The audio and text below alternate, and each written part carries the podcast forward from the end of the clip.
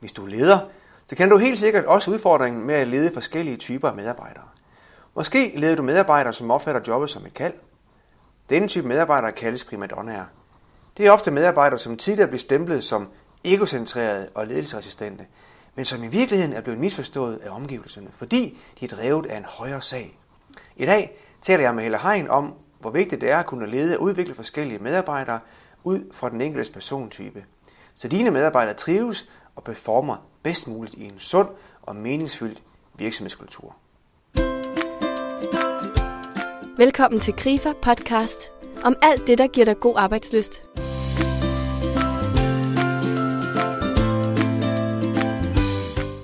Helle Hein er uddannet kant mærker Ph.D.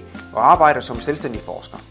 Hun har i en årrække forsket på blandt andet Rigshospitalet og det Kongelige Teater omkring, hvad der motiverer mennesker i deres arbejde. I hendes studier har hun udviklet fire arketyper, som hun beskriver i sin bog Primadonna-ledelse, når arbejdet er et kald. Det her er anden del af to podcasts med Helle Hein, og mit navn er Ole Drejer, jeg er konsulent i Krifa. Velkommen til. Allerførst får du her et kort resume fra den første podcast, hvor Helle Hein introducerer primadonnaen, præstationstriberen og pragmatikeren og lønmodtageren. Der er fire forskellige formål med at gå på arbejde. Og jeg plejer at sige, at, at øh, man skal spørge sig selv, hvad er det, der giver dig et kick? Og der har jeg fundet fire arketyper. Den første er primadonnaerne, det er nok dem, jeg er blevet mest kendt for at have beskæftiget mig med. Og, og de er ikke primadonnaer i den klassiske forstand. Altså det er ikke, det er ikke dem, der har store primadonna-nykker og er barnlige og hysteriske og ledelsesresistente. Så jeg definerer det mere lavpraktisk som ønsket om at gøre en forskel. Altså at man går på arbejde for noget, der er større end en selv. Man stiller så også vanvittigt store krav til arbejdet, så man vil gerne gøre det absolut bedste. Man stræber efter den højeste standard. Den anden arketype er præstationstripperne, som får et kick af at præstere på et højt niveau. Ikke fordi det gør en forskel i en højere sagstjeneste, men fordi de selv får noget ud af det. Så de ekstroverte præstationstripper er motiveret af resultatet, de introverte præstationstripper er motiveret af selve processen. Den tredje arketype er pragmatikerne. Dem har vi sindssygt mange af i Danmark. Vi, øh, vi skaber pragmatikere, vi er bedst til at skabe plads til pragmatikere også. Pragmatikere vil gerne gøre et godt stykke arbejde. De vil bare gerne have, at nogen definerer, hvad godt udført arbejde er. Det vil sige, at der skal være en eller anden best practice beskrivelse, en eller anden standard eller procedurevejledning, som man kan måle sin egen indsats op imod. Og så vil de gerne have en balance mellem arbejde og privatliv. Lønmodtagerne går på arbejde øh, for at få et kick i fritiden. Det vil sige, at arbejdet er for dem den straf, man skal udstå for at få et kick i fritiden. Efter kort resume af de fire arketyper, Helle, er der så noget, man skal være særlig opmærksom på i forhold til ledelse? Jeg har jo set, hvad der sker, hvis der er mange primadonnaer i et team, for eksempel. Og det, der typisk sker, fordi de kan jo, de kan jo blive vældig begejstrede og sidde og tale til langt ud på natten om alt det fantastiske, man kan skabe, og det handler også om at redde verden og alt muligt andet. Men på et eller andet tidspunkt er der nogen, der indtager en pragmatikerrolle og siger, at vi skal altså også være færdige. Det er sjældent, at jeg ser primadonnaer ligesom køre hinanden af sporet. Men det, der kan ske, er, at meningen betyder så meget, så det bliver svært at udføre arbejdet, fordi det kan synes meningsløst. Altså, at de arbejdsopgaver, man har, bliver meningsløse, fordi man simpelthen ikke deler definitionen af, hvad den højere sag er. Og så får man jo et problem, ikke? Fordi ja. når du har nogen, som er stærkt værdidrevne i forhold til en højere sag, man måske har en arbejdsplads, der definerer den højere sag som værende noget andet, så får du jo øh, altså en identitetskrise og et problem, fordi det kan de fleste primadonnaer ikke rigtig indordne sig under. Og så kan der komme voldsomme konflikter. Ja. Og så skal man som leder ind og hjælpe med lige at rette de her ting ud. Og så alligevel, ja. så hører jeg også lidt, du siger, at privaterne er også meget selvkørende. Så, så man skal passe på, høre, at man ikke skal man ikke blander sig for meget i, i deres De skal processer. ikke detaljstyres i hvert fald. Nej. Øhm, og de skal heller ikke kontrolleres og styres. Så det handler om at, at skabe bred mulighed for faglig autonomi. Men, men det der også er en pointe, er, at der kan altså også være primadonnaer, der bare ikke er plads til på en arbejdsplads. Fordi de brænder så meget for en sag, der ikke hører hjemme på den arbejdsplads. Der synes jeg også, det er en væsentlig ledelsesopgave at få sagt det til primadonnaerne. Altså, vi vil gerne have dig her. Vi sætter pris på dine kompetencer og på dit bidrag til arbejdspladsen. Men hvis det er det her, du vil, så skal du ikke være her. Så skal vi hjælpe dig til at finde et andet sted, hvor din sag og deres vision går op i en højere enhed. Så, så man kan sige, det kan være problemet med primadonna, at der simpelthen bare er nogen, der ikke passer ind Og de vil have sværere ved at tilpasse sig en sag, der er fremmed for dem, end andre vil. Så, så, så jeg kan faktisk godt være for rummelig som leder, sådan at de får for meget plads og måske skaber lidt for meget uro i teamet. Ja, øh, men jeg vil så sige, at det er nu i de færreste tilfælde, at jeg har måttet anbefale ledere at skille sig af med en primadonna, fordi i de fleste tilfælde, der handler det om, at man som leder bare skal skrue på nogle lidt andre knapper, og så falder primadonnerne til ro.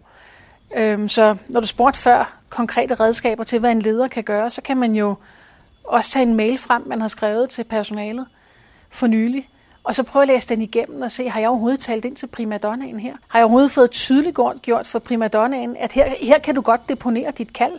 Her kan du godt deponere kilden til din livsmening, fordi jeg har tydeligt gjort over for dig, jeg forstår godt, hvor vigtig den højere sag er. Og hvis man ikke har det, og hvis den bare oser den der mail af økonomiske nøgletal og målsætninger og alt muligt andet, jamen så kan man jo godt finde en forklaring på, hvorfor primadonnaerne nogle gange flipper lidt ud og begynder at blive besværlige og opføre sig som primadonna i den negative betydning af ordet. Og også bare sådan noget helt simpelt, altså primadonnaer kan ikke lide ros. Og især ikke, hvis man roser dem for noget, som, som i deres optik ikke var den højeste standard. Og det er jo ikke, fordi primadonna er arrogant og ikke vil høre på andres feedback, men Problematikken opstår i, at når man roser en primadonna for noget, som de ikke synes var den højeste standard, så tænker de, der skal godt nok ikke meget til at imponere dig, var. Altså det er simpelthen der, du sætter din standard. Bedre ved du simpelthen ikke. Og når det er så en leder, som måske lige kommer frisk fra et kursus i anerkendende ledelse og roser bevidstløst til højre og venstre, jamen så skaber du mistillid i forhold til primadonnaerne. Fordi de tænker, du aner ikke, hvor den højeste standard er. Og der kan man som leder nå ret store resultater, hvis man bare lader være med at rose primadonnaerne men give dem konstruktiv, kritisk feedback om, hvordan kan de nå en højere standard, eller bare sige tak, fordi du yder en indsats. Giv dem feedback om, at det her det gør en forskel. Så i virkeligheden synes jeg meget ofte, at det er nogle meget fine, små knapper, man kan skrue på for at opnå ret store resultater i forhold til at håndtere primadonnaerne bedre. Så det er, det er i sjældne tilfælde nødvendigt at skille sig af med dem. Så jeg synes, i første omgang bør man gøre sig selv den tjeneste lige at tage et ordentligt livtag med sig selv og sit eget lederskab og se, er der, er der noget, der kan forklare, at denne her person reagerer, som vedkommende gør her? Så, så handler det meget om, at man har nogle øh, mere uformelle møder, samtaler med primadonnerne, eller mus-samtalen, som man jo ofte har på en arbejdsplads. Er den et godt værktøj her? Eller er det mere det uformelle? Altså de, de fleste primadonner, jeg synes, mus-samtaler er et gudsgivet spild af tid. Simpelthen fordi de forstår ikke den der idé med, at nogen skal sidde og kompetenceevaluere dem. Øh, det synes de sådan set, de er bedst til at gøre selv. Øh, men der, hvor man kan gøre mus-samtaler til noget, der er meget meningsfuldt for en primadonna, det er ved for eksempel, apropos det spørgsmål, lederen bør stille sig selv, så stille medarbejderen det samme spørgsmål. Hvad er den bedste arbejdsdag, du har haft det seneste år? Hvad er det største kick, du har fået i løbet af det seneste år? Og så bruge det som udgangspunkt til en dialog om, hvordan kan vi skabe flere af den slags dage? Fordi så får du et helt andet startpunkt øh, i forhold til, at at få en meningsfuld samtale med primadonnaen. At mit udgangspunkt som leder er ikke at vurdere dine kompetencer og finde dig for let eller for tung, men mit udgangspunkt er at finde ud af, hvordan kan vi i fællesskab skabe flere af de der kæk. Og så har du også en bedre adgang til som leder at sige, jeg vil gerne hjælpe dig med at få flere kæk, men så skal du til gengæld hjælpe mig med at få det og det og det til at fungere. Så der bliver noget give and take i det. Men det udgangspunkt har man bare meget lettere adgang til, hvis man starter med at spørge ind til, hvad er den bedste arbejdsdag, du har haft? Vær nysgerrig på, hvad der er, der driver medarbejderne, i stedet for at sidde med, med de der øh, mærkelige skemaer, man stadigvæk bruger mange steder, når man skal gennemføre mus-samtaler. Så vi skal ind og være lidt, lidt mere retningsgivende i forhold til at være så skematisk og kontrollerende i forhold til vores uh, samtaler. Uh, en ildsjæl og en primadonna, vil du sige, er det det samme, eller hvad? Eller er der to taler vi om to ting. Jeg tror, ildsjælen er jo noget, vi alle sammen kender, både i sportsklubben og derhjemme og på jobbet. Så kan du sige lidt om det? Altså, jeg mener ikke, at en ildsjæl og en primadonna nødvendigvis er det samme. Men en primadonna kan godt være en ildsjæl. Problemet med, med begrebet ildsjæl er, at i forhold til mine arketyper, synes jeg i virkeligheden, det dækker flere arketyper. Fordi præstationstripperne, især de introverte præstationstripper, nørderne, de kan også være ildsjæle. Det er jo også folk, der brænder for et eller andet emne, som de simpelthen ikke kan få nok af at sætte sig ind i. Og de er jo også ildsjæle. Så, så man kan sige, primadonna er ildsjæle på den måde, de vil gerne gøre en forskel. Men ildsjæle kan jo også bare være folk, der bare gerne vil være bedre til det, de beskæftiger sig med, og brænder for deres fag for eksempel, og ikke nødvendigvis for en højere sag. Altså ildsjæle, man kan ikke sætte lighedstegn mellem primadonna og ildsjæl, men man kan godt karakterisere primadonnaen som en af flere slags ildsjæle. Hvis vi nu skulle se på øh, samfundsudviklingen her de næste 5-10 år i, ja. Danmark og arbejdsmarkedet og, og så videre, tror du så, at vi om, om 10 år for eksempel vil have mere fokus på det her med, med primadonna-arketypen?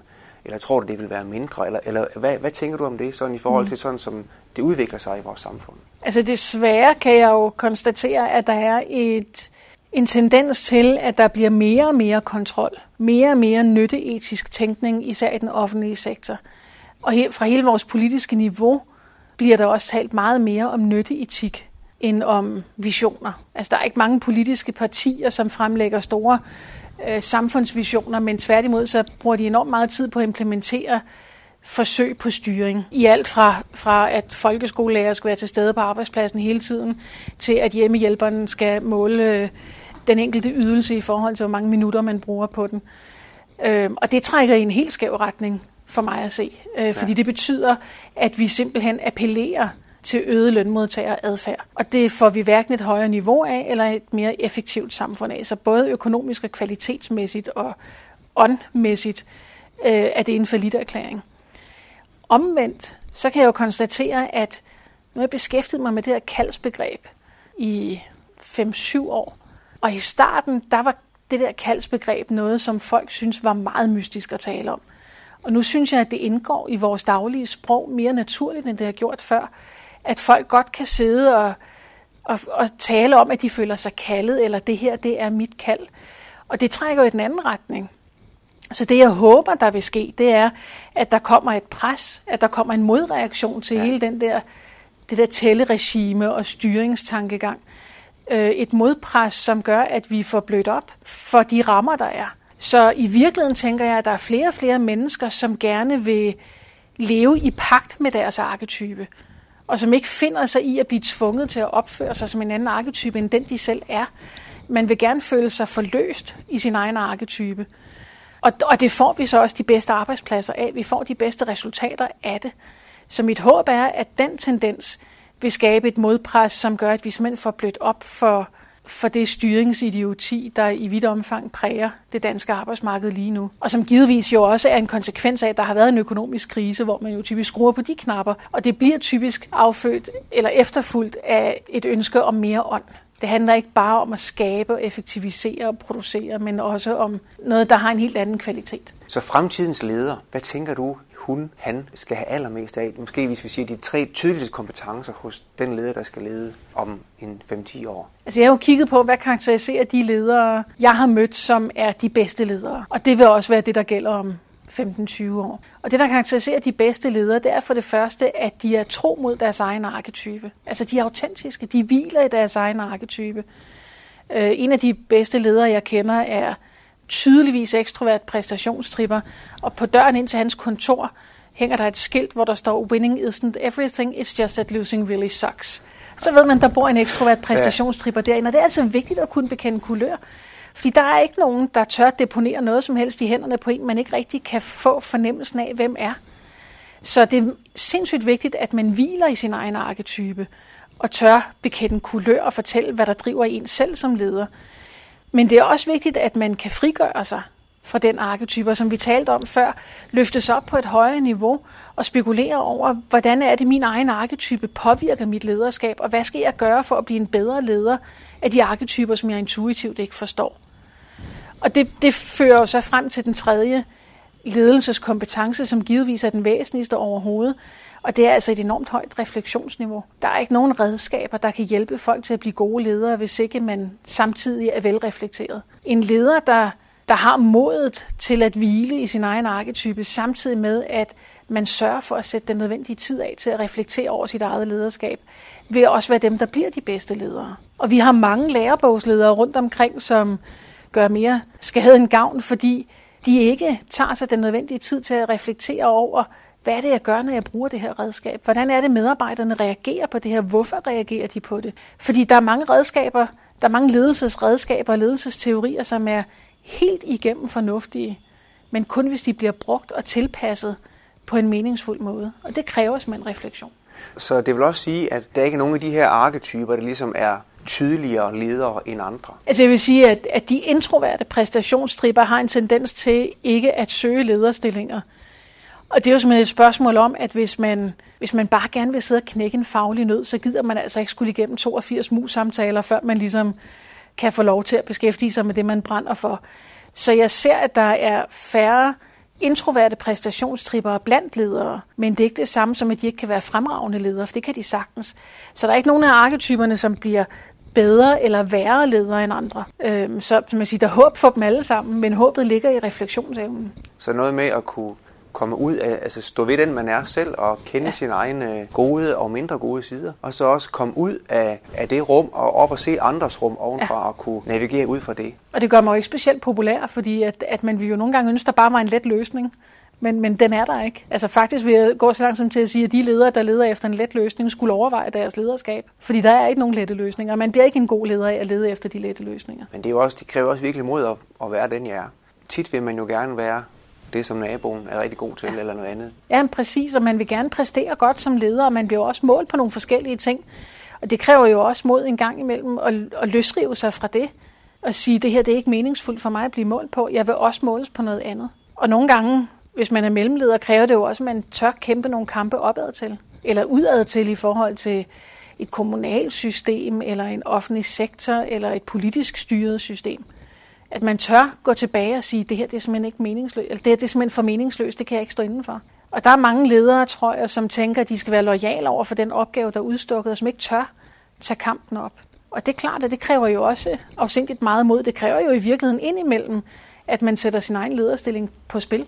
Så når vi taler om det her, som jo er meget aktuelt, synes jeg, relevant i forhold til at stå i midten, både mm. lede opad og lede nedad, har du så, man siger jo, det er oftest den mest udsatte ledelsesgruppe. Ja har du et godt råd til os, der kunne stå der? Ja, men jeg tænker, at, at hvis man får gravet dybt ind i sig selv og fundet ud af, hvad er det i virkeligheden, jeg står for, så giver det jo også noget stamina i forhold til at kæmpe de kampe, fordi så handler det simpelthen om, at jeg gør det her for at kunne være tro mod mig selv, for at kunne se mig selv i øjnene hver morgen, når jeg står op. Og det tror jeg giver både stamina og mod til at kæmpe de nødvendige kampe. Og jeg siger jo ikke, at man bare skal gå ud og kæmpe alle mulige kampe, som en eller anden Don Quixote, der kæmper mod vindmøller, men at man indimellem tør at sige fra, eller bare stille et spørgsmål.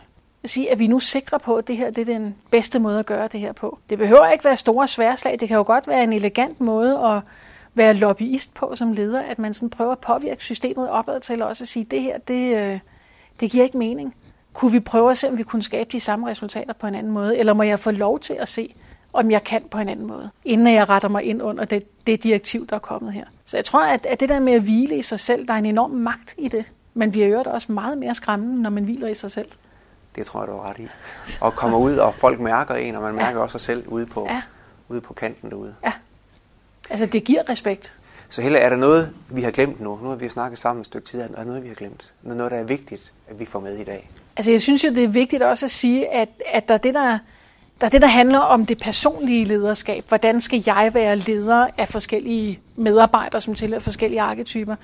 Men så også det er vigtigt, at man tør kaste et blik på, på det kulturelle niveau og se på, hvad det egentlig for en kultur, vi skaber. Er der en af de her arketyper, som er i far for at komme i klemme?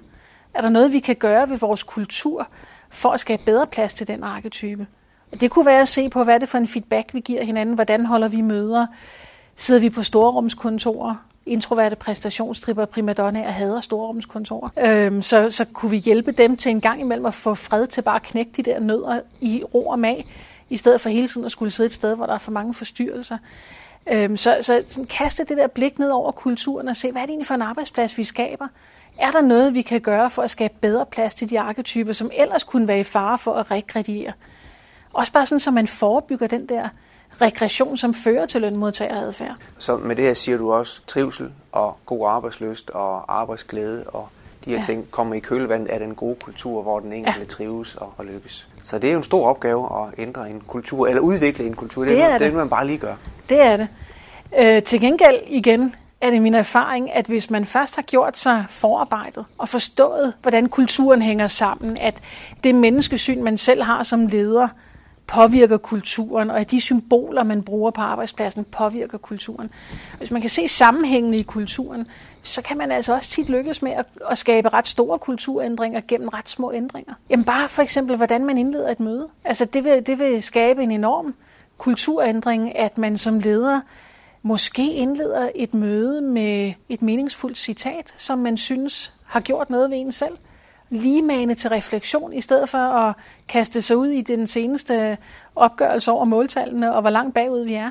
Men simpelthen lige løfte sig lidt op og invitere til refleksion. Så bare sådan et lille trick ja. kunne være værd at prøve. Altså igen det der med at skabe noget vision. Sætter jeg en retning, og det, det har jeg set på arbejdspladser, bare sådan med noget med et meningsfuldt citat, som man synes giver mening i forhold til der, hvor vi står nu. Det giver altså også lidt åndelig føde til, til nogle af arketyperne, som er helt afgørende for, at de kan fungere og finde mening i arbejdet. Så det er helt ned i de bitte små detaljer. Mange tak for din inspirerende input, Helle. Så kort fortalt udfordrer den moderne medarbejder i langt højere grad end tidligere din evne til at kunne reflektere over de her tre spørgsmål. Hvor meget hviler du egentlig i dig selv som leder? Er du bevidst om, hvad der skal til, for at du bliver mere skarp på din egen ledelsespraksis? Skaber dit personlige lederskab plads og mening for de fire arketyper i dit medarbejderteam? Du kan finde flere podcasts i vores app, der hedder God Arbejdsløst, her ligger også første del af Primodon Ledelse, når arbejdet er et kald. Klik ind forbi primodonledelse.dk, hvor du kan læse mere omkring Helle Hein og de fire arketyper.